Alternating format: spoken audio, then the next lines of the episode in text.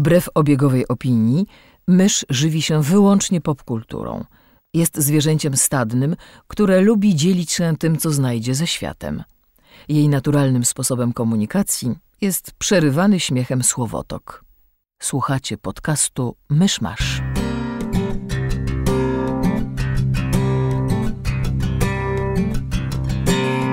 Gospodarzami podcastu Myszmasz są Krzysiek Seran, redaktor portalu Avalon. Kamil Borek ze studia Kobart. i Mysz, autorka bloga Mysza Mówi. Drodzy słuchacze, jest poniedziałek, 5 września 2016 roku, rocznica ślubu Ludwika XV i Marii Leszczyńskiej, a także urodziny Michaela Keatona. Zapraszam do 149 odcinka podcastu Myszmasz. Hmm. Tym razem nie pomyliłem numeru, prawda? Wiesz co, nie słuchałem. E, kto, co powiedziałeś? 149? To chyba dobrze, bo ostatnio było 148, I think. Świetnie. E, Drodzy słuchacze, witamy. To jest historyczne nagranie po raz pierwszy. E, Co prawda wizytowaliśmy już z dyktafonem e, twierdzę Ceranów na, groźnej, na groźnym praskim gościńcu, ale dzisiaj po raz pierwszy nagrywamy z rodowej, ojczystej, cerańskiej ziemi. E, Starożytnej niemalże.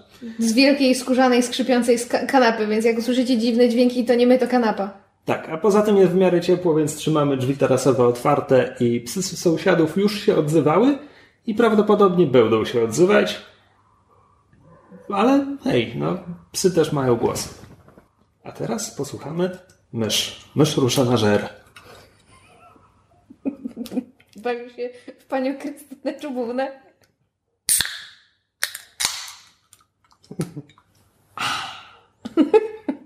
Łowy zakończyły się sukcesem. Możemy żałować tego biednego Szwepsa, którego życie doszło do tak tragicznego końca, ale pamiętajmy, że to jest krąg życia. Na mała. Będziało. Dobrze, to jakie mieliśmy newsy, kochani moi najdrożsi? Mieliśmy newsy? Mm, Potwierdzono drugi... Nie wiem, na razie słychać e, teksańską masakrę piłą łańcuchową. Dobrze. E, coś zacząłeś mówić. E, Tak, e, ogłoszono, że będzie drugi sezon Stranger Things, który to news pewnie jarałby nas bardziej, gdyby którekolwiek z nas obejrzało choć trochę Stranger E, Things. e, e, ja obejrzałem jeden odcinek, właśnie. Może Świetnie, jarasz się tym newsem? odcinek. Nie wiem, bo nie wiem, czy to jest wciąż dobry serial. Bo Dobrze. widziałem tylko jeden odcinek. Znaczy, opinie są od ech po jest niesamowite i pytanie głównie brzmi, ile z tego jest niesamowite wynika z rzeczywistej jakości serialu, a ile z tego, że odwołuje się bardzo silnie do nostalgii pewnego e, całego pokolenia do lat 80. Nie wiem, ja jestem w każdym razie bardzo ciekawa, tylko nie brak chęci, brak czasu. Rodowe motto. Śpiewajcie razem z nami. Everybody, you know how it goes. Em, czy jeszcze jakieś mieliśmy newsy? Ja mam jeden, ale muszę sprawdzić jedną rzecz. To z kolei ja mam taki mały news, że podobno wyciekł um, podtytuł kolejnego sezonu American Horror Story, który do tej pory był skrzętnie przez twórców ukrywany i nawet wypuścili kilka różnych teaser trailerów jako ten, jako Misdirection. E, I podobno podtytuł ma być The Mist. A tak, widziałem to. Jakieś, Właśnie nie wiem, czy to chodzi o... o... pa- patykowate, szczupakowate coś wychodzi z mgły. No właśnie, Blade. ja, znaczy ja nie oglądałam mgły Kinga i nie wiem, czy to się do tego odnosi. Zakładam. Znaczy... Nie wiem. Bo to by, to by było dziwne, gdyby nagle, nagle horror, znaczy ten serial bawił się w Kinga. To Właśnie ja nie bardzo rozumiem, wiesz, do czego to się odnosi, no bo wszystkie M- Mgła poprzednie... to mgła. Znaczy każdy kolejny odnosił się do jakiegoś konkretnego settingu horrorowatego. Tak, więc może tu chodzi o taki, wiesz, Ko- odosobnione, kojarzonego ze swoją horrorowatością. odosobnione miasteczko, typu właśnie mgła, albo nie wiem, Twin Peaks-ish. Nie wiem, nie wiem. No mi mgły się kojarzą z bo- bitwami morskimi i szkockimi wrzosowiskami. Umieść horror w dowolnym Nie, z tych dwóch środowisk. Pomijając bezpośrednio od, o, jakby skojarzenie z mgłą Kinga, no to wiesz, jak masz właśnie, jeżeli mist, The Mist ma się kojarzyć z taką właśnie mało, małym, wiesz, miasteczkiem opętanym przez jakiekolwiek chcesz złe siły, to to tym bardziej się kojarzy z Kingiem, no bo King właśnie jest ekspertem jakby od, znaczy jest dobry Czy w takiej małej pierwszy, czy miasteczkowości. pierwszy Achs miał, miał jakiś podtytuł? Em, po fakcie dodali Murder House. A, czyli było Murder House, było Asylum, Asylum. Coven, Freak Show, Hotel. Okej. No to ten, ten mist jakby tu tak jest trochę... Jak właśnie, prawda? To, to, znaczy, chcę powiedzieć pięć do oka. Tak, Pasuje. mniej więcej, tak. No. Tak, tak, pa- tak W każdym pasuje. razie jestem ciekawa, bo em, znaczy, niestety American Horror Story nie ma tak jak e, Star Treki zasady, że e, nieparzyste są dobre, a parzyste są beznadziejne. To tak szło? Star Treki mają odwrotnie. Parzy- Odwrotnie? Dotąd parzyste bywały dobre, nie pamiętam, czy ktoś to przekładał na Abram Treki. E, Treki mają podobno wręcz odwrotnie, no bo pierwszy jest spokoj, trzeci jest fajny, a drugi był No beznadziejny. dobra, tak, ale potem, bo możesz jeszcze je liczyć jako kontynuację poprzedniej serii i wtedy chyba właśnie pierwszy był nieparzysty i mówili, że Abrams przełamał klątwę, bo był całkiem spoko, a potem drugi był parzysty, a był beznadziejny? Nie, nieważne. No nieważne. W każdym razie jestem, jestem tego American Horror Story ciekawa, bo po drodze Hotel było dobre i American Crime Story było dobre, więc tak jakby Murphy nabrał znowu trochę wiatru w żagle. Jestem optymisty, cautiously optymistic, jak to się mówi. Ostrożnie optymistyczna. Wydawnictwo Marvel ogłosiło nową historię, którą wyda, nie wiem, za 5 lat. E, z absurdalnym wyprzedzeniem zapowiadają te swoje wielkie eventy i tak dalej. No bo jeszcze nie ukazał się pierwszy numer historii, która pokaże nam konflikt X-Menów z Inhumans i w ogóle jakby to, kto ma prawa do, do czego przy ekranizacjach zupełnie nie ma wpływu na te komiksowe historie, ani trochę. E, A już zapowiadają następną wspólną wielką historię X-Menów i Inhumans i czemu oni muszą wiązać moich mutantów z tymi padakami, to nie wiem. E, Ale we wszystkim najbardziej śmieszy mnie tytuł, bo będzie się to nazywało X-Men Inhumans, przepraszam, Inhumans X-Men e, Resurrection, bo jest zapisane X. przez X, tak, ponieważ to X-Meni. E, Brzmi to idiotycznie, ale przynajmniej jest to jakiś pomysł, żeby wpisać logo X-Menów w słowo Resurrection. E, Inhumans są tam. In, jest, jest os z tymi szlaczkami, które Black Bolt ma na kostiumie i to ma być logo Inhumans. Nigdy w życiu go wcześniej nie widziałem. To to wydaje się być robione na kolanie. No, więc będzie coś takiego. Kompletnie mnie nie obchodzi. Jakby tak, tak bardzo straciłem serce do eventów Marvela i tego tam. Nie mieli dobrego od. No, nieważne, od dawna nie mieli dobrego. Jeszcze z takich e, newsów e, to obsadzono główną rolę w e, ekranizacji tych kryminałów J.K. Rowling, co pisała pod pseudonimem. E, Pierwszy jest chyba Cormoran, znaczy, czy seria się nazywa Cormoran Strike, czy pierwszy się Znaczy, nazywa? ko- y, To jest nie nic, bohatera. nic, nic, a nic. Bohater nazywa się Cormoran Strike. Pierwsze to jest wołanie No kukułki, właśnie, bodajże Cuckoo's Calling. Drugie to był jedwabnik, Silkworm. Trzecie to są żniwa zła albo żniwa śmierci po polsku. A oryginalnego nie pamiętam. No w każdym razie obsadzono Toma Burka, czy też Burka, Szeroko znanego, z, jako Atos z muszkieterów BBC. szerzej znanego z... To, że ty nie oglądasz, nie znaczy, że jest szerzej nieznany. No w każdym razie ja nie czytałam tych kryminałów J.K. Rowling, teraz sięgnę z ciekawości, bo Burek fajny jest. Burek to fajny pies, nie? Um, Bo I, miś to fajny miś. I looks fun. Do, Mój- dobrych kryminałów nigdy dość. Mój tata przesłuchał je na audiobookach i kiedyś jadał z nim samochodem.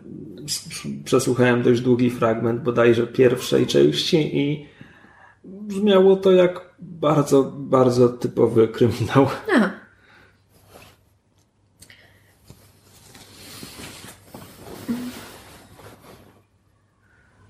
Coś jeszcze skasowali, coś ogłosili, coś.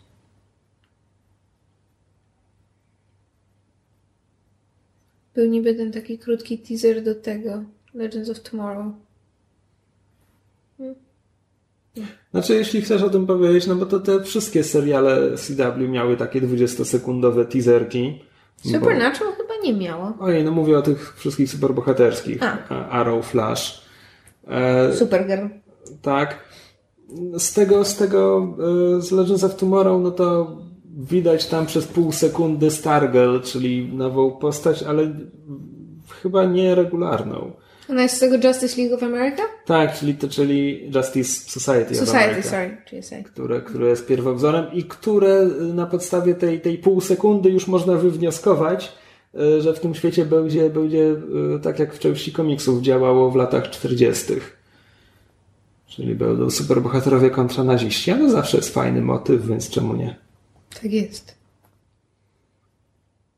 A a propos nazistów, to ja potem będę miała pytanie, przywo- ten, przywrócimy segment pod tytułem Mysz pyta o komiksy.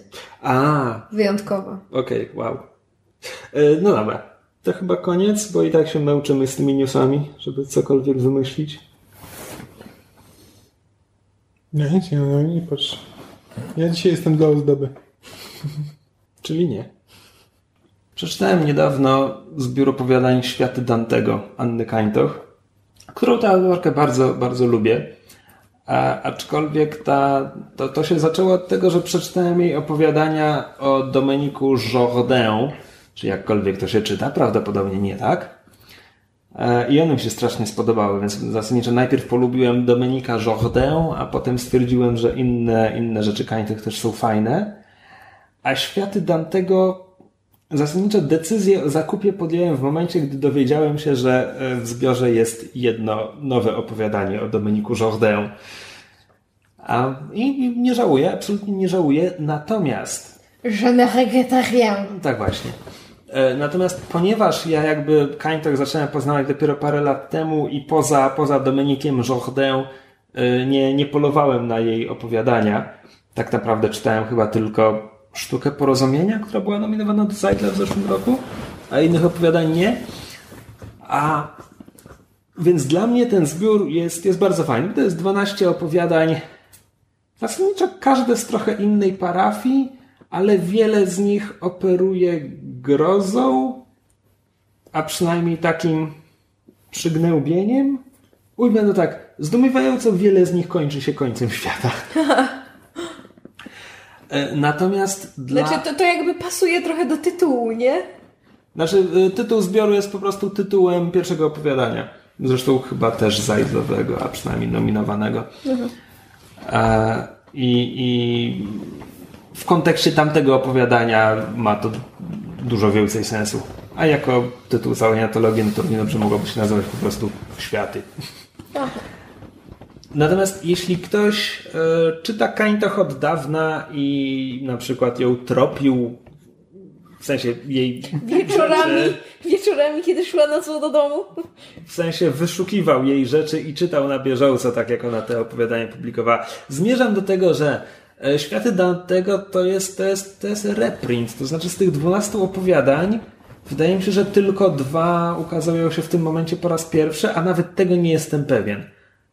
Wydaje mi się, że ten Dominik Jourdain był wcześniej wydany jako e-book, opowiadanie w formie e-booka. W każdym razie, no to po prostu zbiera rzeczy z różnych antologii. Jest tam coś z, z Księgi Strachów, jest tam coś z jakiejś anielskiej antologii, nie pamiętam wydawnictwa i tak dalej, i tak dalej. E, Do tego mamy tutaj wstęp, e, wstęp posłowie i przedmowy do każdego opowiadania autorstwa twojego kolegi Jakuba Ćwieka. A tak, bo Kuba się z Anią przyjaźnił. No tak, oni się przyjaźnią i, i ewidentnie te wstępy są, są e, wynikiem tej przyjaźni. I rany boskie, jak bardzo one nic nie wnoszą do tematu. to znaczy, okej, regularnie, regularnie Ćwiek wspomina, jak się tam poznał za nią Kańtoch, jakie ona robi wrażenie przy pierwszym poznaniu i tak dalej, więc jest z tego jakiś obraz autorki, co jest miłe, można powiedzieć, ma wartość anegdotyczną. Natomiast tak bardzo on nic nie dodaje do opowiadań, o których pisze. Tam, to, no, tam, to refleksje są na poziomie zakochałem się w tym opowiadaniu od pierwszej lektury, albo za pierwszym razem kręciłem trochę nosem, ale teraz widzę, że Ania miała rację i ono jest dobre. To jest tyle. To jest po prostu tyle. On sam we wstępie wspomina, że A, można je pominąć, ale nie wiem, niby się dziwnie czytało na wyrywki. E, I B, że mogą służyć jako taki bufor pomiędzy kolejnymi opowiadaniami, żeby dać sobie chwilę, żeby mózg odpoczął od poprzedniego klimatu, zanim wejdzie w następny. I okej, okay, jako takie bufory sprawdzają się znakomicie. Znaczy, można by poczytać, nie wiem, ulotkę reklamową, ale hej. Natomiast niczego, niczego nie odejmują od samych opowiadań, które są e, bardzo fajne. Sporo.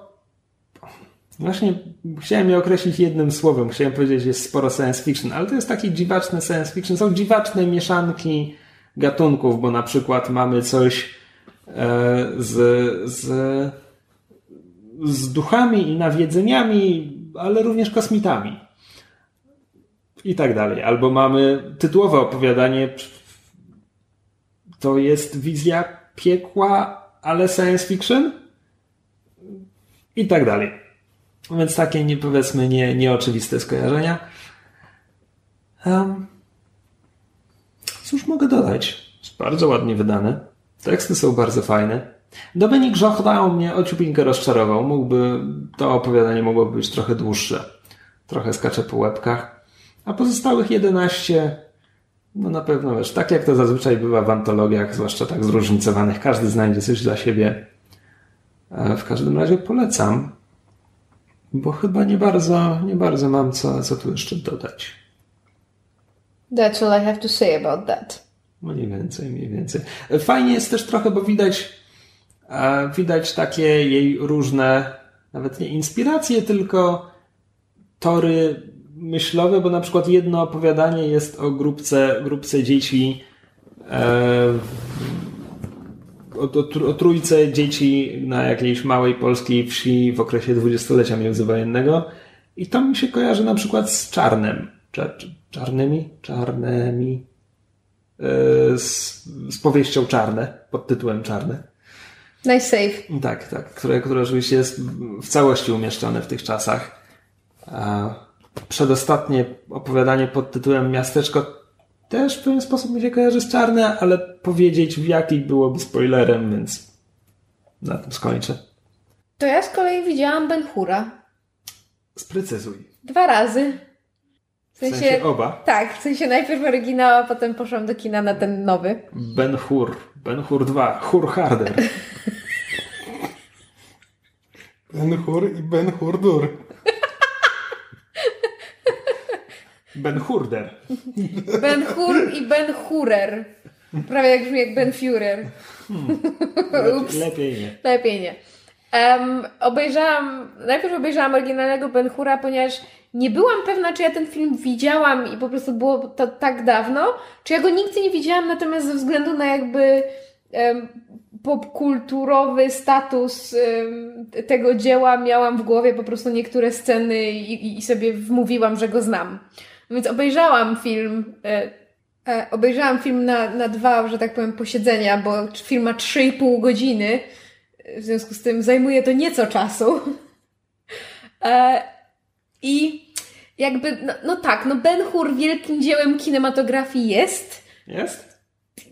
Tak, co nie zmienia faktu, że jest strasznie kiczowaty i kampowy, jest to cudowne, znaczy, jeżeli ale, ktoś to lubi. Ale czekaj, uściślimy, bo ja tak naprawdę wcale nie jestem pewien, czy on ma jakieś tam wielkie miejsce w historii kina. Wiem, znaczy... wiem że jest jednym z tych wielkich, epickich, hollywoodzkich Swords and Sandals, które były tak bardzo popularne pół wieku temu. Znaczy, no wiesz co, no on jest na większości list e, najbardziej, wiesz, istotnych dzieł kinematografii, jakby spuścizny, ludzkiej spuścizny kulturowej. Naprawdę? Tak, jest na większości, większości list. No wiesz, w swoim czasie to był najdroższy i największy film, jaki w ogóle zrealizowano na świecie. No ale, ale, właśnie, ale właśnie o to mi chodzi. Czy przypadkiem jego znaczenie dla kina nie sprowadza się tym, że był takim awatarem lat 60., czy kiedy on powstał? 50? Trochę tak, ale mimo wszystko śmiesznie. Znaczy, ja się cieszę, że go obejrzałam, bo jakby już abstrahując, no bo to jest. Um, Ben Hur z 59, o którym, który, który widziałam, którego mam na myśli, jest remake'iem filmu niemego z lat 20., 30. Jak nazywał się tamten? Chyba też Ben Hur. Nie ułatwiają zadania. Nie, który był ekranizacją powieści pod tytułem chyba Życie i czasy Jezusa, jakoś tak, z XIX wieku bodajże. E, w związku z tym, wiesz, to ten, ten, ten Ben Hur, który wyszedł w tym roku, to jest, wiesz, remake, remake'u, remake'u, czy tam, wiesz, któraś już z kolei e, adaptacja. No i dobrze, ten, ten 3,5 godzinny Ben Hur jest długi. Jest tam bardzo wiele dłużyzn, jest tam bardzo wiele rzeczy, które można by wyciąć. Jest cudowna scena otwierająca, kiedy obserwujemy, jak e, gwiazda betlejemska, znaczy kometa podróżuje przez niebo i potem oświetla snopem światła tę bardzo istotną stajenkę i słowo daje to wygląda jak z jakiegoś filmu o UFO z lat 60. czy 70. To słyszysz taki snop światła i czekasz, aż ten Jezus wzniesie się w górę. No i tego typu myśli i, i różnych, e, e, że tak powiem, chwil wesołości miałam w trakcie seansu dużo. No bo to jednak jest film, który jest taki z, nie wiem jak z ówczesnego punktu widzenia, ze współczesnego punktu widzenia jest jak to się mówi ten they ham it up aktorsko, jest tak bardzo, wiesz, dramatycznie zagrany. Charlton Heston moim zdaniem wielkim, dobrym aktorem nie jest, jest za to bardzo zabawny. E, natomiast jakby to nie jest film bez wartości i fajnie jest go oglądać po jakby z, z tak dużej perspektywy czasu, bo jednak są, są bardzo duże różnice w tym, jak jest nakręcone, jak pewne ujęcia są poprowadzone, jak, jak są rozłożone akcenty, jak jest muzy- muzyka wykorzystana. Nie ma dubstepu i montażu jak z teledysku? No, no chociażby, albo na przykład wiesz, scena, okej, scena em, wyścigu Rydwanów jest rzeczywiście imponująca. To jakby tu złego słowa nie dam powiedzieć, bo naprawdę robi wrażenie i jakby Poza skala... tym, że chyba przy niej zginęło parę osób, albo przynajmniej Nie, to mocno jest, się to jest miejska, miejska legenda, że ktoś tam zginął. Naprawdę? Byłem przekonany. Znaczy, Znaczy, w jednej, zdaniem, w jednej, z, nie w zginął, jednej to z, ktoś... Znaczy, no oczywiście, że były, były rany i, i ludzie byli poturbowani, no bo to było praca z żywymi nie- Nieprzeliczone konie też padły. końmi, tak. Znaczy, na przykład, wiesz, takie rzeczy jak Charlton Heston musiał mieć specjalnie dopasowane szkła kontaktowe, bo piach i żwir, które leciały spod kół rydwanów, y, prawie, wiesz, oko przez to stracił. Zresztą nie był jedyny. Znaczy, z tym, z tym, że ktoś zginął na planie, to było ktoś w swojej chyba autobiografii e, coś takiego napisał, tylko że to jest niepotwierdzone, wydaje mi się. E, Natomiast scena jest imponująca i jest ciekawa, zwłaszcza z, z, jakby z punktu, z, z, z perspektywy tego, że widziałam jakby remake tej sceny zrobiony, wiesz, CGI, efekty, konie, kaskaderzy, wiesz, full blast, muzyka Mo- można- imponująca. Można powiedzieć, że nie po raz pierwszy widziałeś, bo George Lucas też ją zerżnął do Mrocznego Widma. Tak, no ale jakby wiesz, tam jest, tam jest jednak trochę inaczej. Przede wszystkim w Gwiezdne Wojny jestem zaangażowana emocjonalnie. Z Ben Hurem tego nie mam. Em, i, I jednak, wiesz, na przykład zupełnie inaczej się ta scena pościgu rozgrywa. To znaczy, rzeczywiście masz, wiesz, w oryginalnym Ben Hurze to ona trwa, nie wiem, 9 minut chyba? To jest ci- ciągła scena, kiedy oni, wiesz, po prostu, czy, może 9 było okrążeń, a sama scena trwa 7 minut. No nieważne. W każdym razie, scena jest o tyle na przykład niesamowita, że przez większość czasu nie słyszysz muzyki. Jedyne, co słyszysz, to jest ten, ten kopyt i jakby to, co się dzieje. Co jest o tyle śmieszne, że kiedy w pewnym momencie Tak jeden samo zrobił Lucas w Mrocznym Widmie. kiedy w jednym momencie jeden z, z bohaterów e, wpada pod kopyta koni, jest to moment tak zupełnie niepunktowany muzyką, że ja, przyzwyczajona do tego, że współcześni twórcy bardzo lubią kierować publicznością Muzyka poprzez mówi muzykę. Tak! ci, co masz myśleć i czuć. I wiesz, i na zasadzie on wpada pod te kopyta, a ja takie, a pewnie nic mu nie będzie. Nie, czekaj. Nie, to nie może się tak rozegrać. On właśnie zginął przecież. On, wiesz, to się, to się źle kończy. I to jest moment, który się rozgrywa tak, jakby mimochodem, ze względu na to, jak jest scena skonstruowana, że wiesz, strasznie, strasznie mi się to spodobało. Właśnie to takie wrażenie zupełnie innego oglądania i przeżywania filmów, z zupełnie innej perspektywy. Em, Okej, e, internet na ratunek Snopes.com mówi, że to faktycznie jest miejska legenda i żaden kaskader nie zginął przy kręceniu tego wyścigu. W to, że zginęły jakieś konie, to akurat, wiesz, nie wątpię. Znaczy, I'm assuming. Em, natomiast remake zrobiony przez... Że mnie skłama, scenariusz napisał duet, który niedawno odniósł sukces, jakkolwiek byśmy tego słowa nie rozumieli, em, miniserią The Bible. A, słyszałem o tym. Tak. Em, I oni zostali zatrudnieni do, jeżeli się nie mylę, napisania scenariusza. E, natomiast wyreżyserował to Timur Bekmambetow, który ostatnie co dobre zrobił, to była Straż Nocna. Straż Dzienna też była spoko. Ja właśnie Straży Dziennej nie widziałam, natomiast e, e, ostatnim filmem, który zrobił, to jest człowiek, który rzadko pracuje, był Abraham Lincoln, Łowca Wampirów, which was not a good movie. I Ben Hur to nie jest zły film, ale na pewno nie jest dobry, jest niepotrzebny, bo ja z jednej strony rozumiem, dlaczego Ben Hur to jest film, który można chcieć przełożyć na język współczesnego kina dla współczesnej widowni. Bo to, że mi się interesująco oglądało 3,5 godzinny film, o, w który nie byłam zaangażowana emocjonalnie, to jakby wynika z tego, że mnie, wiesz, interesowała na przykład scenografia, jak to jest zaaranżowane i tak dalej. Natomiast fabularnie trudno jest się w to zaangażować, trudno, wiesz, kupić te postacie w momencie, kiedy aktorzy grają po prostu, wiesz, do ostatniego rzędu. I aktorzy są w porządku. W Ben Hura się wciela e, Jack Houston. W Mesala się wciela e, Toby Kebbels, który ma pecha do złych filmów, biedny. A gdzie on grał? No on grał doktora Duma w Ostatniej Fantastycznej Czwórce. On nie jest złym aktorem, on ma po prostu pecha. I jakby to, co jest fajne w tym nowym Ben Hurze, to jest to, że rzeczywiście postacie dostają więcej czasu i jakby relacja między nimi, która jest istotna z punktu widzenia filmu, no bo to jest prawda film o, o zdradzie, e, między innymi, e, jakby ma, ma większy ciężar. Rzeczywiście można się w to bardziej zaangażować. Ta relacja między nimi, zanim um, osiągnie swój punkt kulminacyjny, jest wiarygodna. Sceny bitwy w, na morzu, kiedy nasz e, bohater, spoiler, E, zostaje niewolnikiem na rzymskich galerach i bierze udział w bitwie morskiej. Jest bardzo imponujące w tej nowej wersji rzeczywiście. W starej to rozgrywali na ogromnym sztucznym basenie przy pomocy dużych miniatur, niemal jak we Władcy Pierścieni. Rzeczywiście strasznie fajnie to wygląda. E, I scena pościgu Rydwanów w nowym remake'u jest, jest, jest w porządku. Jest jeden fantastycznie komputerowy koń CGI, który skakuje na trybuny i to jest po prostu my spirit animal. Ja też bym chciała móc uciec z tego kina. Bo twórcy zrobili rzecz absolutnie dla mnie niezrozumiała, mianowicie dali filmowi szczęśliwe zakończenie. Jakby jednym z istotnych punktów oryginału jest to, że tam trup ściele się dość gęsto, mniej lub bardziej sprawiedliwie.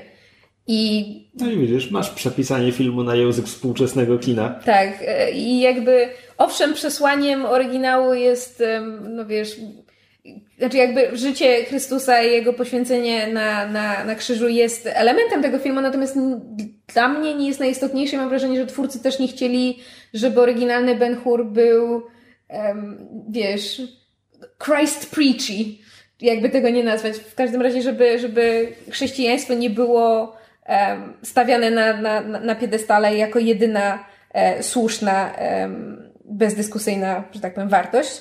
Natomiast tutaj e, twórcy poszli totalnie po bandzie i e, przesłanie pod tytułem e, miłość ci wszystko wybaczy i Bóg jest miłością i, i wiesz, musisz mieć wiarę, jest tak po prostu znaczy kładą ci to do głowy szpadlem, łopatą, kilofem i wiesz, i koparką. Oburza twoje ateistyczne serduszko. Nie, nie moje ateistyczne serduszko, tylko moją inteligencję, no. Wiesz, jest scena, w której bohater pod koniec odwraca się za siebie i Morgan, a Morgan Freeman jeszcze tam gra oczywiście. Morgan Freeman niczym Paulo Bo, Boga? Coelho. przepraszam? Właśnie nie, gra arabskiego szejka. Równie dobrze mógłby być Bogiem, bo robi za narratora.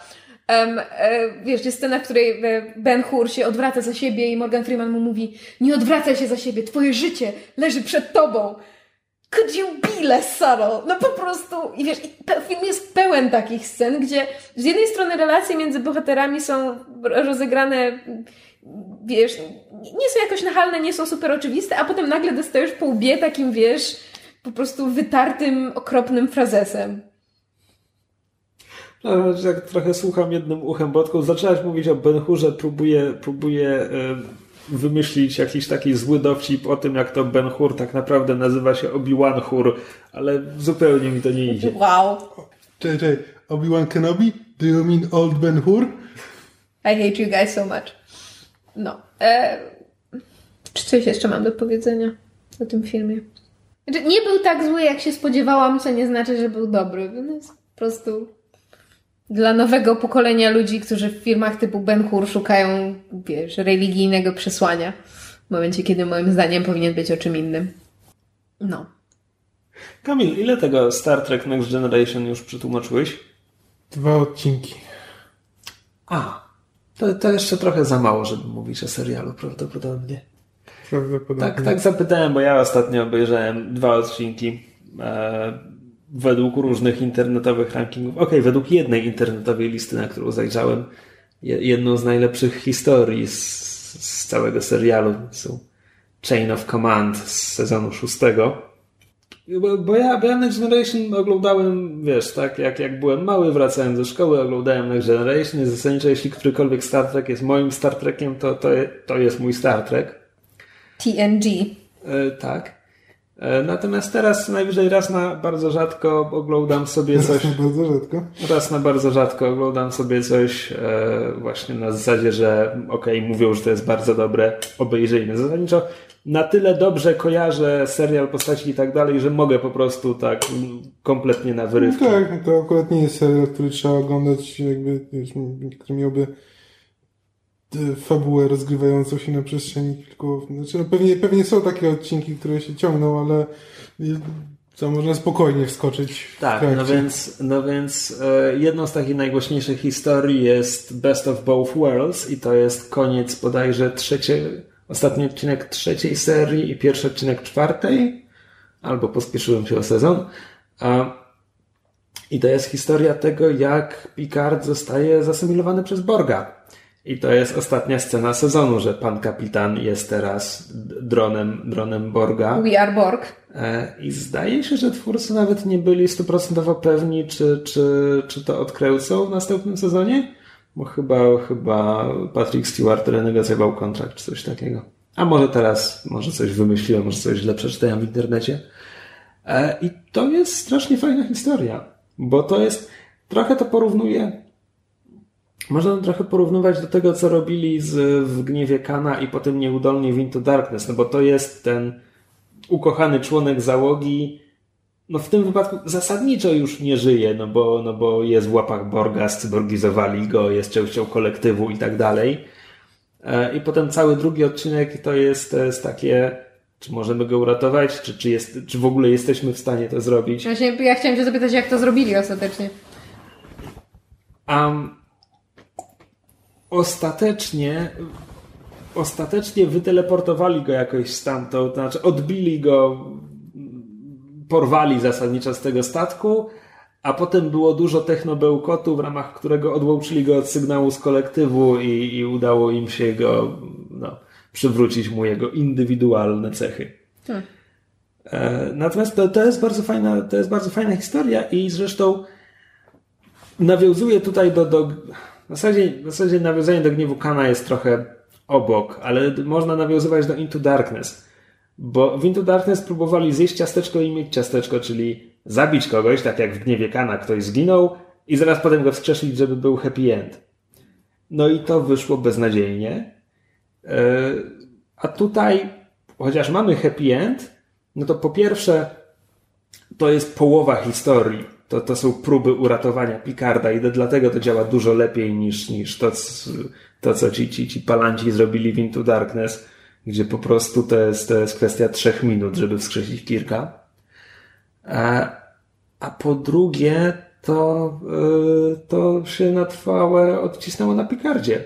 Do tego stopnia, że nawet to jest potem film kinowy, który w zasadzie w całości o tym, o pierwszy kontakt wątek Picarda w pierwszym kontakcie jest w całości poświęcony temu, jaką on ma traumę po Borgu i, i jak, jak bardzo przestaje być racjonalny, kiedy trzeba się znowu z Borgiem zmierzyć. Mm, nawet nie wiedziałam. Ale miałem mówić o Chains of Command, bo one są, to, to jest coś zupełnie innego. A to jest odcinek, w którym Picard trafia w łapy Cardassian Widzimy pewien wzór. Przepraszam, ale nazwa, nazwa... Kardasjanie zostali wymyśleni dawno, dawno temu. Jeszcze, jeszcze zanim jeszcze zanim pan Kardashian bronił O.J. Simpsona, nie mówiąc o Cieka tym. Ciekawe, jaki fizyczny atrybut odróżnia teraz od ludzi. A, widzisz, bardzo dużo, bo po pierwsze mają szarą skórę, a po drugie mają nad nasadą nosa taką wklęsłą wypukłość. E, no bo jest taki jakby wzgórek, ale jego środek jest wklęsnięty. E, I bodajże przez ten kształt nad nosem są nazywani Mam wrażenie, że widziałem w internecie jakieś określenie łyżkogłowi, łyżkoczołowi, coś tam dziwnego. Spoonheads. Hmm. Coś takiego. E, I Kardashianie pojawiają się chyba w Next Generation jako taka nowa zła grupa ja ich znam z, przede wszystkim z Deep Space Nine, kiedy jest taki stan zimnej wojny między nimi a, a Federacją. E, tak, a, a w Next Generation raz na jakiś czas się pojawiają i, i mieszają. I tutaj znowu jest, znaczy już tutaj jest ta, ta zimna wojna między nimi a Federacją. Zwabiają Picarda w pułapkę, łapią go i te dwa odcinki mają zasadniczo od momentu złapania, czyli zasadniczo od końca pierwszego odcinka. To trochę trwa, zanim historia się rozkręci. E, to Chains of Command, czy Chain of Command, nie pamiętam, ma dwa główne wątki jednym wątkiem jest to, że Cardassianie torturują Picarda i to jest takie eksplorowanie człowieka, którego łamią fizycznie i psychicznie e, z pytaniem, czy, czy go złamią, czy go nie złamią. E, I Patrick Stewart jest tu świetny, bo to jest to jest telewizja, wiesz, popołudniowo-śniadaniowa. Oni nam nie mogą pokazać niczego ponad to, że, że wiesz, wszczepili mu magiczny gadżet i za naciśnięciem e, przycisku Picard czuje ból. Ale Stewart tak to gra, że jakby wierzysz w to. Mhm. Kompletnie. On, on to wszystko sprzedaje.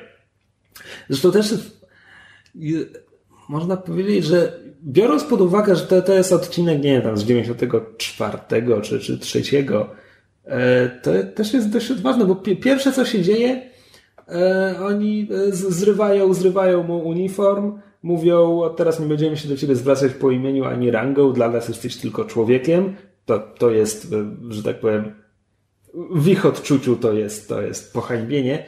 E, I zostawiają go, go um, nagiego na nos, podwieszonego pod sufitem na kajdankach po prostu. I to jest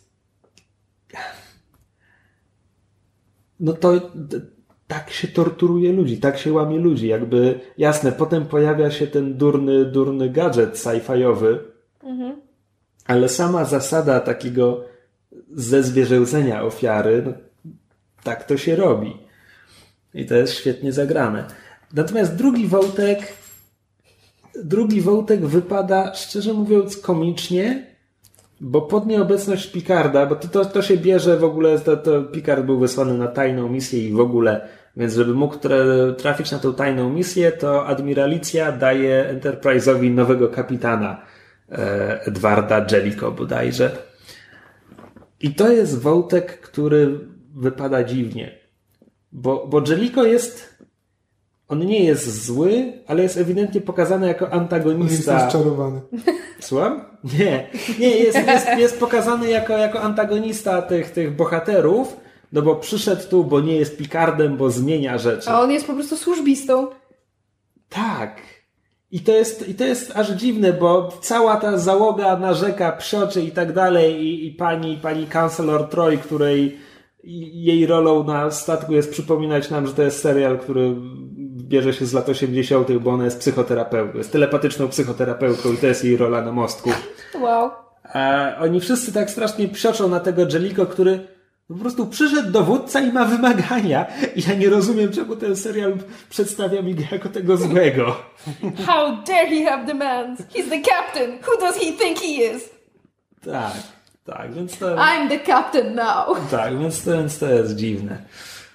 E, natomiast... E, znaczy muszę powiedzieć, że ponieważ widziałem to na jakiejś liście jako tam, nie wiem, piąta czy szósta najlepsza historia, która była w Next Generation, to jak to obejrzałem, to byłem trochę rozczarowany. Natomiast aktorsko jakby Stewart jest, jest świetny.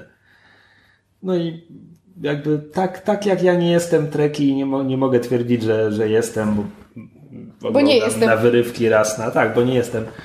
E, no to jednak nieporównanie bardziej wolę, wolę to od kinowych nowych treków jednak jakieś eksplorowanie jakichś istotnych wątków, możliwość, żeby aktorzy mieli coś do zagrania, do cholery. No.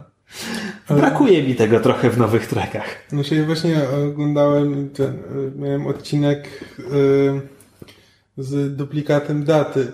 Właśnie nawet jakby fabularnie jest, jakby jest interesujący, nie, trochę tam mam do niego zastrzeżenia, bo tam całość się jakby kończy mało, mało satysfakcjonująco, znaczy trochę mam wrażenie, że serial ogłupił swoją załogę, żeby móc poprowadzić ten, e, ten wątek złego duplikatu daty.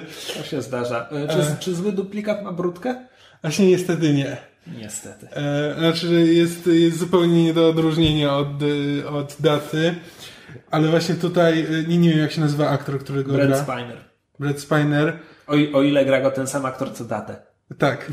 E, I ma szansę się popisać. Znaczy, zarówno jako dat, wiesz, nie, nie tylko tyle, że jakby jako lore, czyli ten brat daty, e, wreszcie ma jakieś emocje do zagrania, więc może, e, może zagrać takiego e, pewnego siebie lekko dupkowa, dupkowatego androida, ale też jakby sam data e, w, w relacji z tym bratem, który jakby wiesz, e, najpierw się cieszy, że znalazł w końcu kogoś takiego jak on i jakby trochę poznaje, e, dowiaduje się czegoś więcej o sobie i skąd się wziął, e, a z drugiej strony powoli odkrywa, kim tak naprawdę jest Lore i czego, e, czego chce od tej załogi. E, jakby widać, mimo jakby jego androidowatości i e, jakby nieodczuwania uczuć, to widać, e, że czuje konflikt wewnętrzny i Brad Spiner naprawdę daje taki popis, że jakby e, dla niego samego warto obejrzeć ten odcinek. To się nazywa Data Lore. E, to jest, Po prostu. e, jako jedno słowo, o dziwo. No tak. I to, to jest odcinek właśnie, w zależności od numeracji, on jest teoretycznie 14, choć na Netflixie prawdopodobnie będzie jako 12. Ale to pierwszy sezon? Pierwszy sezon, tak. Data ma już tam kota, czy jeszcze nie? Nie. Tata ma kota? Data ma kota. A kot ma datę. Jeśli dobrze kojarzę, data ma kota spota. Stop it! Stop! You're doing it on purpose now. Ojej. Ale tak śmieszy mnie, że wspomniałeś o tym, o Borg. Bo... Borgach? Borgach, Borgu? tak. Borkach. We are Borg.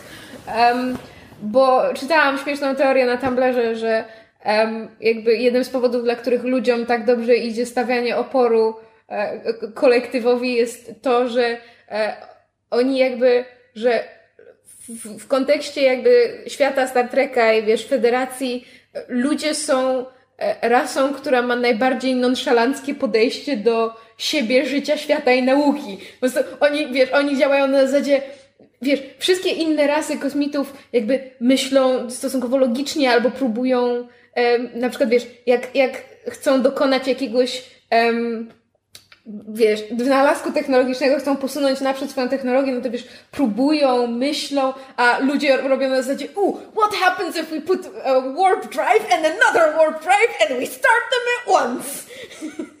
I wiesz, i po prostu tak totalnie mają na wszystko, wiesz, na wszystko kładą lachę, oni po prostu robią to, co im akurat, wiesz, do głowy przyjdzie i ze, ze względu na swoją nieprzewidywalność i na swoje właśnie takie, wiesz, nonszalanckie podejście są dla Borga e, jakby odpowiednim przeciwnikiem, bo Borg nie jest w stanie ich jakby Ale przewidzieć i To, okiełznać. ale to, to, to nie brzmi dla mnie przekonująco, bo...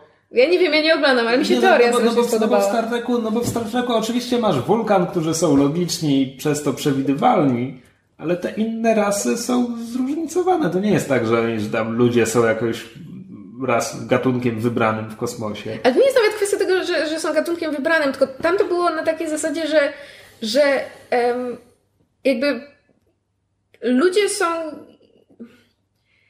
jakby są, są on the forefront of technological and scientific discovery. Oni są tymi, którzy, wiesz, latają, odkrywają te planety niechcący ze względu na swoje gmeranie w znowu- warp drive statku, przebijają się na inną stronę wszechświata przez dziurę Ale czasoprzestrzenną. znowu nie, federacja jest y, federacją, która gromadzi tam ileś tych gatunków. Tak, ale zauważ, że, że, że jakby obserwujemy głównie zmagania tych, ty, ty- tych konkretnych grup i jakby głównie oni trafiają na sytuację pod tytułem trafiliśmy do ró- równoległego No, bo wymiaru co- albo Szczególnie, takiego. jeśli mówimy o Borgu, który czekaj, on się pojawia w, w, W Next Generation. w Next Generation właśnie. I Next Generation jest tą serią, w której jakby na pokładzie masz y, różnych kosmitów, roboty i jakby nie tylko ludzi. I właśnie te, ta seria właśnie pokazuje, że to nie tylko ludzie, że to jakby już nie tylko e, ludzie osiągnęli tę utopię i polecieli w kosmos, tylko właśnie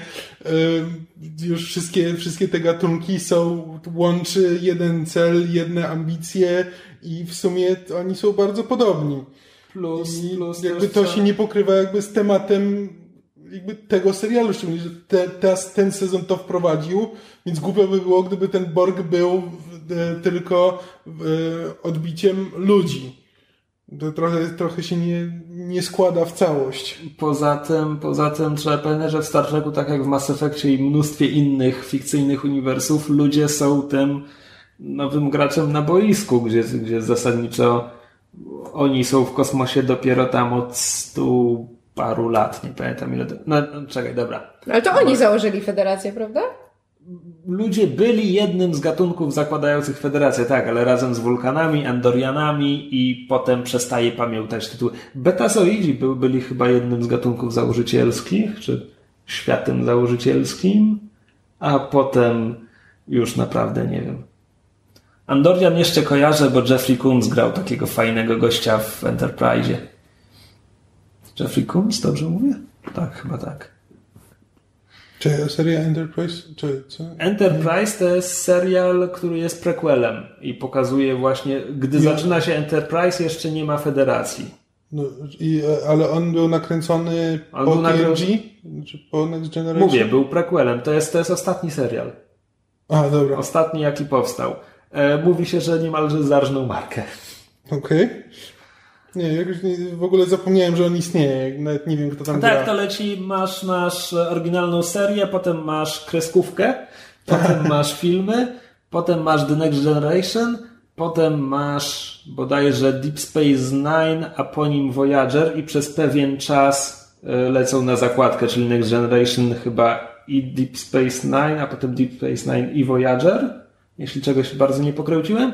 I w momencie, gdy skończył się Voyager, zaczął lecieć Enterprise, bo właśnie o to chodziło, że Star Trek od 89, od początku, 87, od początku Next Generation Star Trek był, ciągle był nowy Star Trek w telewizji przez te 20, nie, mniej, nieważne. E, I potem przychodzi rok bodajże 2000, 2004, kiedy kończy się Enterprise i nic. I nie ma. A w Enterprise grał e, Scott Bakula, grał kapitana Archera. E, miał psa Bigla, do którego nawiązują w pierwszym Star Treku Abramsa. To, to tego lub jakiegoś jego następcę Scotty zgubił e, podczas teleportacji. Ale poza Scottem Bakulą to nie pamiętam żadnych aktorów z Enterprise'a. No i Jeffrey Combsem, ale jego kojarzę dlatego, że fajnie podkłada głos w kreskówkach i grach komputerowych.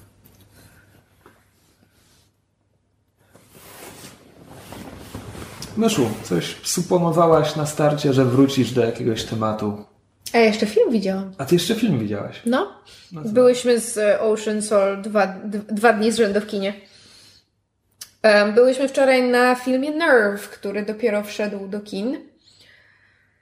Em, jakby to nazwać? Przepraszam, to jest jego polski tytuł? Tak. Em, to jest, nazwijmy to, młodzieżowy film akcji? I guess? Rozwiń. Em, film jest oparty o książce, autorka się nazywa... Oparty o książce? Ża- Film jest... Film... Mm, Film jest. Tyle na razie wiemy. zamknij się, zamknij się, zamknij się, zamknij się. Y, film jest adaptacją książki Jean Brian albo coś takiego pod tym samym tytułem. Książka opowiada o takiej dość nieśmiałej dziewczynie e, V. Takie ma przezwisko, na imię ma Wenus. Oczywiście. Oczywiście. Um, nieśmiałej dziewczynie, która em, pracuje jako inspicjentka w szkolnym teatrze, ma bardzo popularną, em, najlepszą przyjaciółkę, która odgrywa w tym spektaklu główną rolę. Nasza bohaterka się kocha w chłopaku, który em, gra główną rolę męską w tymże spektaklu. E, a to się wszystko dzieje na tle e, takiej gry, e, jak to nazwać? Mm, chcę powiedzieć, interaktywnej gry. Większość gier jest interaktywna, myszu. Um, taki real world game, trochę w prawdę czy wyzwanie, tylko że bez elementu prawdy, czyli że zapisujesz się do e, gry w internecie i potem dostajesz wyzwania i za spełnienie wyzwań dostajesz prezenty albo kasę, coś takiego. E, no i nasza bohaterka jakby zostaje doprowadzona do takiego momentu, kiedy stwierdza, że nie chce już być popychadłem i nie chce siedzieć jak szara myszka w kącie i że ona weźmie udział w tym wyzwaniu, bo w każdej chwili się może wycofać. Tylko, że w pewnym momencie jakby wplątuje się trochę w sytuację bez wyjścia, poznaje po drodze niejakiego Iana, który również bierze udział w tej grze and they, they partner up, postanawiają razem spełniać te wyzwania. No i książka próbuje bardzo być takim, wiesz, komentarzem na zasadzie um, nie, nie, nie, kontrolujemy tego, jakie informacje... Czy wiesz, co robią twoje dzieci? Tak. Czy, czy, wiesz, nie wiemy, jakie informacje przekazujemy i komu, wiesz, kiedy podpisujemy te wszystkie terms and conditions bez czytania, że jakby wszystkie informacje, które wrzucamy na media społecznościowe, ktoś po, może potem przeciwko nam wykorzystać, bo na przykład w pewnym momencie się orientujemy, że wyzwania są dobierane w taki sposób, żeby um, po, pogrywać sobie z najskrytszymi jakby pragnieniami i obawami graczy. Są też watchers, którzy chodzą za graczami i kręcą, no bo to wszystko jest jakby streamowane na żywo i czasami też ingerują w, w wyzwania graczy. No i oczywiście to, ty, tym zarządzają jacyś tajemniczy, anonimowi game masters, którzy się nigdy nie ujawniają i w pewnym momencie sytuacja wymyka się spod kontroli. E, natomiast film zmienia fabułę i wydaje mi się, że jest dobrą adaptacją. To znaczy, jakby wszystkie elementy książki, które były nieudane, film zmienił i tak naprawdę jedyne, co ma wspólnego, to są imiona bohaterów i ogólny zarys, że jest taka gra i że nasza bohaterka bierze w niej udział. Um, scenariusz do filmu napisała.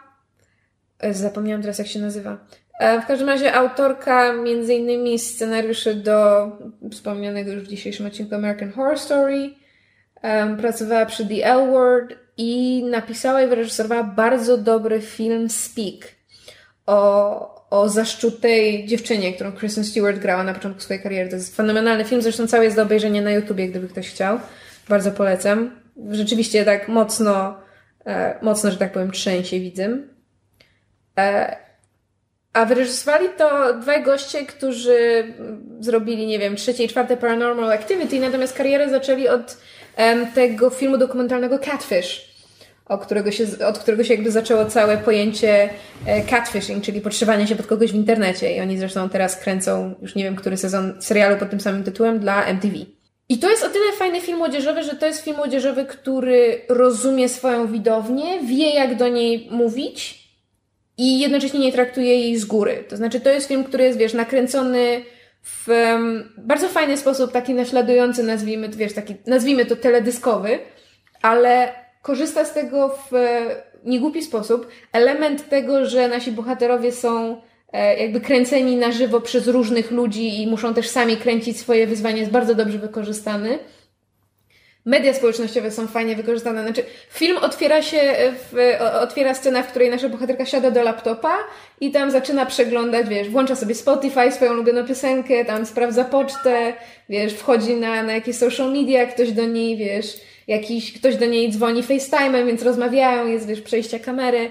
E, są bardzo fajne, bardzo fajna jest paleta kolorystyczna, bo jest rzeczywiście tak mocno, wiesz, neonowe kolory e, są mocno pod, podkręcone i jakby miasto nocą też widać, że tam jest um, w postprodukcji podrasowane, ale bardzo fajne wizualne wrażenie to daje razem z tymi e, efektami i ujęciami. Sprawdziłem ci, reżyserowali to Henry Just i Ariel Schulman. No właśnie. Albo Schulman. Um, w głównych rolach... Um... A napisali, napisały, już ci mówię, um, już ci mówię za moment, e, powieść napisała Ginny Ryan, a scenariusz Jessica Scharzer. No właśnie. Scharzer. Scharzer. Jak, jak to przeczytać?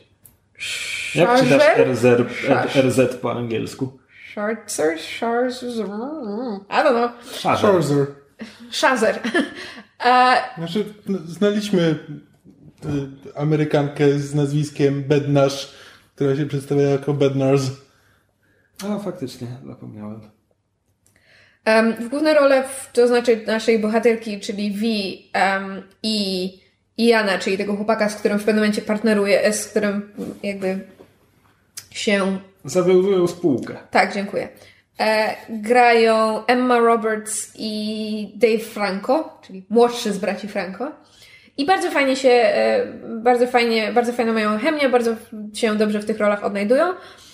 I to, co mi się podoba, jakby książka rzeczywiście próbowała być usilnie taka, wiesz, się trochę wpasować w klimat Hunger Games pod tytułem tak właśnie, czy wiesz, co robią twoje dzieci, nie kontrolujemy tego, co się dzieje w internecie. Tak jak to jest klimat Hunger Games? No ale właśnie wiesz, takie na zasadzie death, destruction, mayhem, kontrola, wiesz, wielka siła, przeciwko której musimy się przeciwstawić, bla, bla, bla. Okay. A film jakby to, to, to olewa, bo um, gra, znaczy nie, nie ma czegoś takiego, że gra została stworzona przez jakąś, wiesz, wielką, nie wiem, czy jakąś tajną grupę, której nikt nie może dorwać, tylko to jest taka gra, która zresztą oni to tam znaczy, to nie jest Mr. Robot pod względem tego, jak traktuje y, zagadnienie na przykład hakerstwa. Jest raczej dość patologicznie potraktowane, ale tam jest to tak wytłumaczone, że jakby każdy gracz i każdy obserwator, który zaczynają brać udział w grze, jakby jest osobnym serwerem, w związku z tym jakby nie ma czegoś takiego, że grę można usunąć, bo wszyscy musieliby się z niej wylogować, żeby ona przestała funkcjonować. Okay. Tak, no to tutaj może rzeczywiście trochę przesadzili, e, ale za to na przykład te wyzwania, które nasi bohaterowie muszą wykonać, nie są tak, um, nazwałabym to kontrowersyjne i usilnie próbujące szokować czytelnika, tak jak w książce, tylko to są takie właśnie, wiesz, wyzwania, jakie sobie powiedzmy dzieciaki czy nastolatki rzucają, kiedy na przykład grają w prawdę czy wyzwanie. E, co nie zmienia faktu, że jest parę scen, które rzeczywiście trzymają w napięciu. Niestety są one związane z um, dużymi wysokościami, a ja mam taką śmieszną odmianę lęku wysokości, że nawet jak widzę w kinie, to na mnie to strasznie działa, w związku z tym się wierciłam bardzo w fotelu. Ma fajnie dobrano ścieżkę dźwiękową, co jest dość istotne przy, przy filmach młodzieżowych. Był taki film z Michaelem Douglasem, Gra i był, ale. Ja go wciąż nie widziałem. On jest na mojej liście do obejrzenia, ale zastanawiam się, czy nie był trochę inspiracją dla filmowców tutaj. Bo on, on w grze Michael Douglas gra jakiegoś znudzonego biznesmena, który zapisuje się do tytułowej gry i nie wie na czym tytułowa gra polega, a gra się w prawdziwym życiu i nagle pojawiają się tam jacyś prześladowcy, jakieś niebezpieczeństwa, nagle na ulicy bez ostrzeżenia po prostu grasz cały czas. Mhm. E, I to jest zasadniczo wszystko sobie o filmie, gdyż albowiem słyszałem o nim na studiach i wciąż nie obejrzałem od tamtej pory. Być może, no ale wiesz, oni adaptowali książkę, ja nie wiem, wiesz, na czym się inspirowała autorka pisząc, pisząc książkę. Um, i, czy film bywa przewidywalny momentami? Tak. Zresztą trailery dość sporo zdradzałam pod względem tego, jakie wyzwania nasi bohaterowie dostaną. Um, finałowy twist jest dość przewidywalny, znaczy wystarczy się po prostu zastanowić, jak, jak to się może rozegrać i, i można się domyślić. Ale jakby film się fajnie ogląda, nie nudzi, naprawdę nie obraża inteligencji widza, aktorzy się dobrze spisują, postacie są sympatyczne. Naprawdę żeśmy się z, z Ocean Soul fajnie, fajnie bawiły i, i rzeczywiście jest to ten jeden z tych przypadków, kiedy film jest lepszy niż, niż książka. Jeżeli ktoś ma ochotę, jeżeli ktoś lubi młodzieżowe filmy, jeżeli ktoś chce się dobrze, dobrze pobawić, obejrzeć sobie coś, co jest ładne i, i, i porządnie zrealizowane, to, to bardzo polecam to Nerve. Warto. A tak w ogóle, Krzysiu, bo, bo mówiłeś o nazistach. Ja mówiłem o nazistach? Tak, na samym początku odcinka w komiksach coś o nazistach. A, bo w Legends of A, Tomorrow mają być. Bo ostatnio w różnych miejscach w internecie trafiam na takie komentarze, że Captain Marvel jest nazistką. O co z tym chodzi? Bo ja nie rozumiem. Czy bo... Chodzi o postać z Marvela, żeby, żeby nie mylić z Kapitanem Marvelem. A nie, czekaj, przemianowali go na Shazama w końcu. DC się znudziło. DC miał postać pod imieniem Kapitan Marvel od strasznie dawna. On, on jest jakby chyba niewiele młodszy od Supermana, o ile w ogóle. Mhm. No i Kapitan Marvel krzyczy Shazam, żeby zamienić się z dziesięcioletniego chłopca w wielkiego napakowanego gościa w pelerynie. Um, I jakiś czas później e, DC znaczy on w ogóle na początku nie, nie należał do DC. DC go kupiło potem, jeśli dobrze kojarzę. No a potem coś zrobali po drodze i nie zabezpieczyli praw do tytułu i Marvel zaczął wydawać komiks pod tytułem Captain Marvel. I teraz oba wydawnictwa mogą mieć postać pod tym imieniem, bo to niczego nie zmienia. Marvel mógłby mieć w swoich komiksach postać o imieniu Batman. E, problem zaczyna się, kiedy chcesz go wrzucić na okładkę, bo wtedy reklamujesz zastrzeżonym wizerunkiem swój komiks, albo kiedy chcesz nazwać tak e, swój komiks, no bo, no bo nazwa też jest zastrzeżona. Czyli tak dalej, mógłbyś tak mieć, czyli Marvel mogłoby mieć postać imieniem Batman, ale na okładce musiał być ktoś, być ktoś inny i komiks musiałby mieć inny tytuł. Tak. A Batman nie mógłby wyglądać jak Batman, tak naprawdę. No tak. Jeśli dobrze wszystko rozumiem. E, więc, więc nie o tym kapitanie Marvelu mówimy. Kojarzycie te 5 minut, które właśnie wysłuchaliście? Tak, Zapomnijcie tak, o tym. Więc, więc Kapitan Marvel e, to jest, to jest Carol Danvers, dawniej Miss Marvel, e, którą Marvel od strasznie dawna próbował wypromować na swoją e, pierwszoplanową bohaterkę. Bo to jest tak jak DC ma tę swoją trójcę, czyli, czyli Batman, Superman, Wonder Woman, no to Marvel ma Kapitana Amerykę, Spidermana i pewnie Wolverina, ale Wolverina nie mogą wrzucić do swoich filmów, więc od 15 lat mają z tym problem. No tak. E, a Znaczy, a Iron Man po filmach się nie ten? Nie... Znaczy, no, ale po no, filmach, po ale filmach, wcześniej, po wcześniej nie był. filmach, a mówię, mówię A, jeszcze przed filmami próbowali ją tak, tak, tak, przypromować, tak, tak, tak, tak, tak. No bo z kolei jakbyś spojrzał na bohaterki komiksowe Marvela, to wtedy najbardziej rozpoznawalną pewnie jeszcze niedawno była Storm, bo X-Meni. I- No w każdym razie, więc Marvel próbował załatać tę lukę od strasznie dawna i zasadniczo mam wrażenie, że po, po House of M po raz pierwszy próbowali, dali, dali Carol Danvers serię, że Miss Marvel teraz będzie bohater, taką bohaterką, na jaką ją stać. I w ogóle, i to nie wyszło. Nie jest bohaterką, której potrzebujemy, ale na którą zasłużyliśmy. Tak właśnie. Na którą nas stać. Tak właśnie. I to, I to przez dłuższą chwilę nie wychodziło, a potem jakiś czas temu stwierdzili, że Miss Marvel w końcu przejmie, przejmie ksywę kapitana Marvela, który, który zresztą figuruje w jej origin story. Ona, ona debiutowała jako jego dziewczyna, bohaterka drugoplanowa jego komiksu i, i tak dalej. I moce też częściowo ma od niego. A, a kapitan Marvel Marvela był kosmitą. I teraz stały się dwie rzeczy. Po pierwsze, y, ta nowa seria zrobiła się popularna, przynajmniej w internecie, przynajmniej na Tumblrze, więc już krok, krok w dobrą stronę. A, A to nie dlatego, że piszą ją kobiety?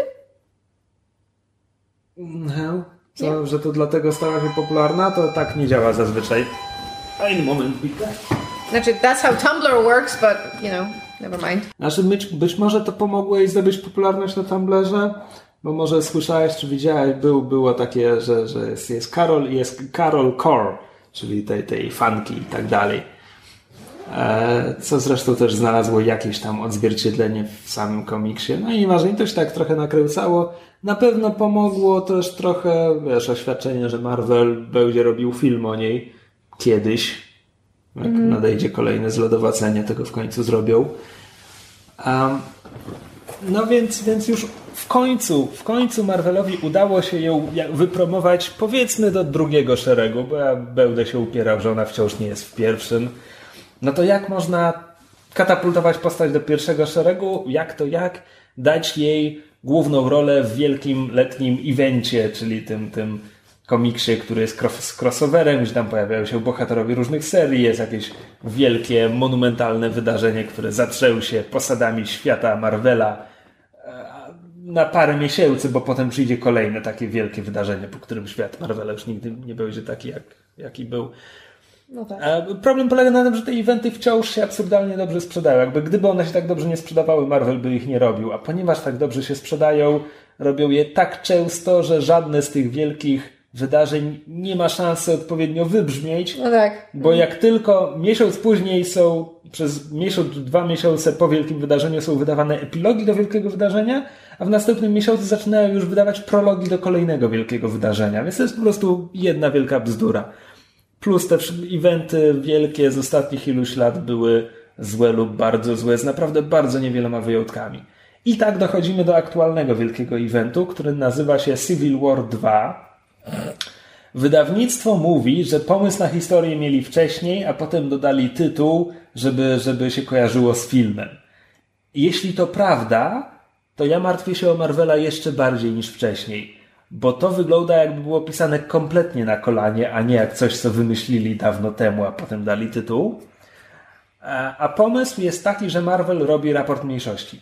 Dosłownie. Pojawia się nowy Inhuman, którego, którego magiczną mocą są wizje, przewiduje różne katastrofy, no i bohaterowie mówią, hej super, to dzięki temu będziemy mogli lepiej działać. I tutaj Captain Marvel jest na, na czele tych bohaterów, a potem jedna z tych interwencji idzie źle nie dlatego, że zaufali misji, tylko dlatego, że walczyli z Thanosem i, i zginęło się War Machine'owi. I, I Tony Stark mówi, hej, zabiliście mi kumpla, to co robicie jest złe, nie róbcie tego. I, i, on, jest, I on jest na czele drugiego obozu. I teraz problemy. Problemów jest multum. Po pierwsze, to jest raport mniejszości.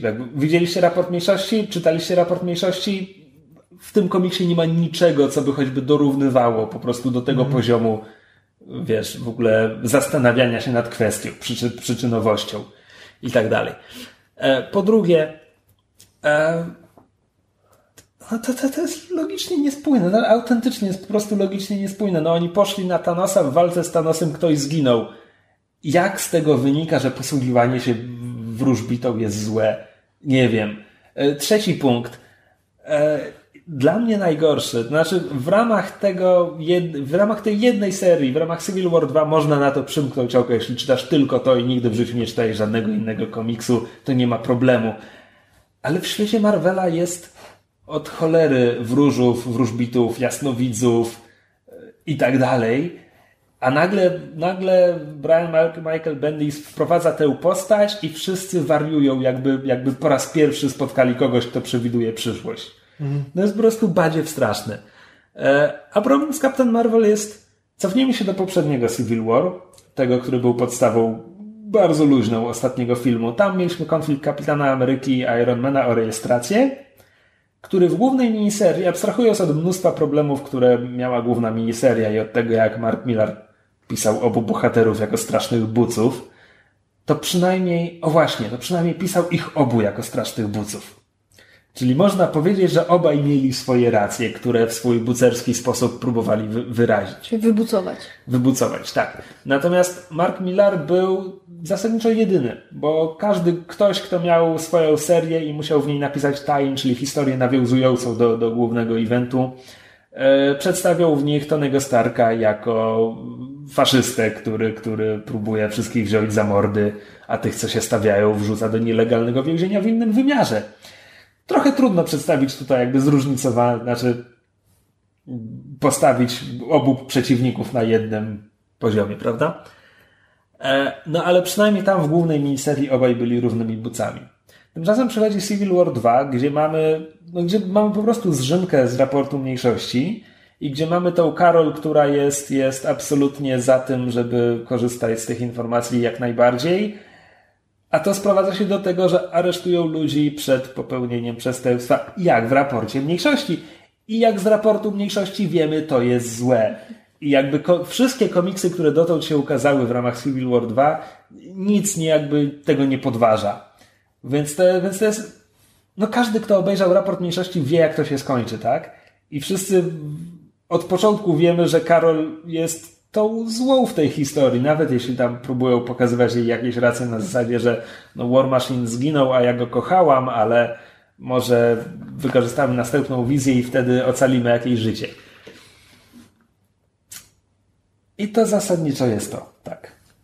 To o to chodzi. Aha, bo ja myślałam, że ona naprawdę jest nazistką i się zdziwiłam. Hmm.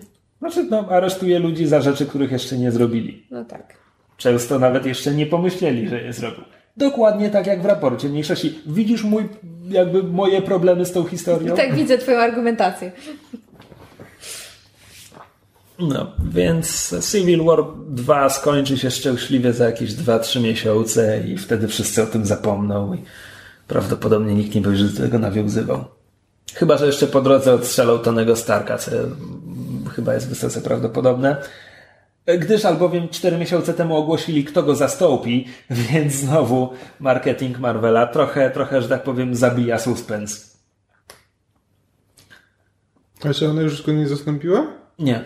E, ona, czyli Riri Williams, 15-letnia afroamerykanka, która jest geniuszem i zbudowała sobie własną zbroję, pojawiła się już w komiksach.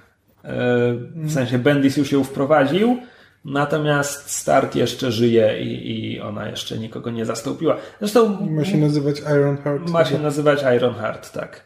Ale w międzyczasie będzie e, Doktor Doom e, jako inny Iron Man, ale jeszcze nie wiemy, czy on będzie się nazywał Iron Manem. Może będzie nazywał się Iron Doomem, nie wiem. Doktor Man.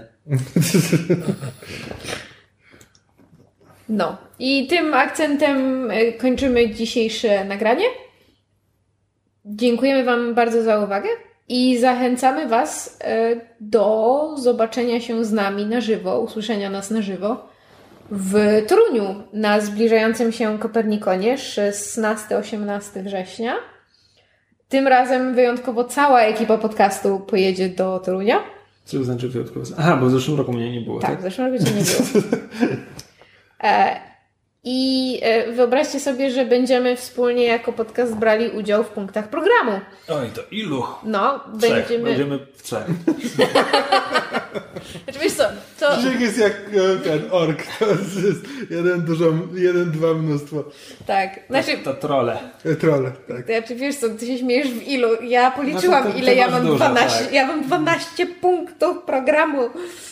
Tym te trzy e, myszmaszowe. W związku z tym em, prowadzimy em, pierwszego dnia konwentu prowadzimy pogadankę o tłumaczeniach, e, którą musimy usiąść i przygotować. Sekret. Full profeska em, pod tytułem, e, projekcji pod tytułem Panie tłumacz, pan się tłumacz. Poza tym e, bierzemy udział w e, Geek Fight, Organizowany starcie przez masę podcastów, kultury. tak, organizowanym przez masę kultury. Jeżeli em, jesteście, że tak powiem, zaznajomieni z YouTube'em, to tam właśnie em, chyba kanał E, Cinema Sins. Cinema Sins ma właśnie Geek Fight, gdzie po prostu Oni to nazywają Movie Fight. A to nie jest Screen Junkies? No ale to Screen Junkies robią Cinema Sins, nie? A nie, oni robią Honest Trailers. Tak. znaczy oni się rozdzielili, kiedyś byli jednym, Którzyś z nich? Którzyś- Którzyś z nich którzyś robią z Movie nich, tak. Znaczy nie, oni nie byli chyba nigdy jednym, po prostu czasami współpracowali razem, ale nie... Znaczy ja pamiętam, że tam był jakiś ro- rozłam między nimi. Znaczy był rozłam, ale oni nigdy nie pracowali. Rozłam polegał na tym, że Screen Junkies zaczęło produkować jakby te serie e, jakby recenzji w drodze i e, wracając z kina, czy coś takiego w samochodzie, co wcześniej zaczęło robić Cinema Sins, tylko że Screen Junkies jakby zaczęli na tym zarabiać, jakby Aha. zrobili taką dużo, z, gdzie jakiś tam producent samochodów ich sponsorował i tak dalej, więc jakby ukradli pomysł od Cinema Sins i nie zapłacili, Cinema Sins się na nich obraziło, a wiesz, a na YouTubie to ciężko właściwie stwierdzić, czy pomysł na zasadzie wsiadamy do samochodu i rozmawiamy o filmach, to jest coś, co rzeczywiście można opatentować, czy ukraść, czy wiesz, czy i tak dalej, więc to jest bardzo taki temat mm, rozmyty. No nieważne. Nie wiem, czy ktoś nas jeszcze słuchał, ale w tym momencie przestał. E, No w każdym razie bierzemy udział w takim właśnie Geek Fight, gdzie e, ekipy różnych e, podcastów będą dyskutować na temat różne, różne tematy popkulturowe. I bierzemy udział po raz pierwszy, nie spotykamy się z ekipą Zombie vs. Wiesz, studiu, tylko na żywo, in front of a live studio audience. Em, I będziemy rozmawiać o różnych rzeczach, szczerze mówiąc też chyba jeszcze nie mamy pomysłu.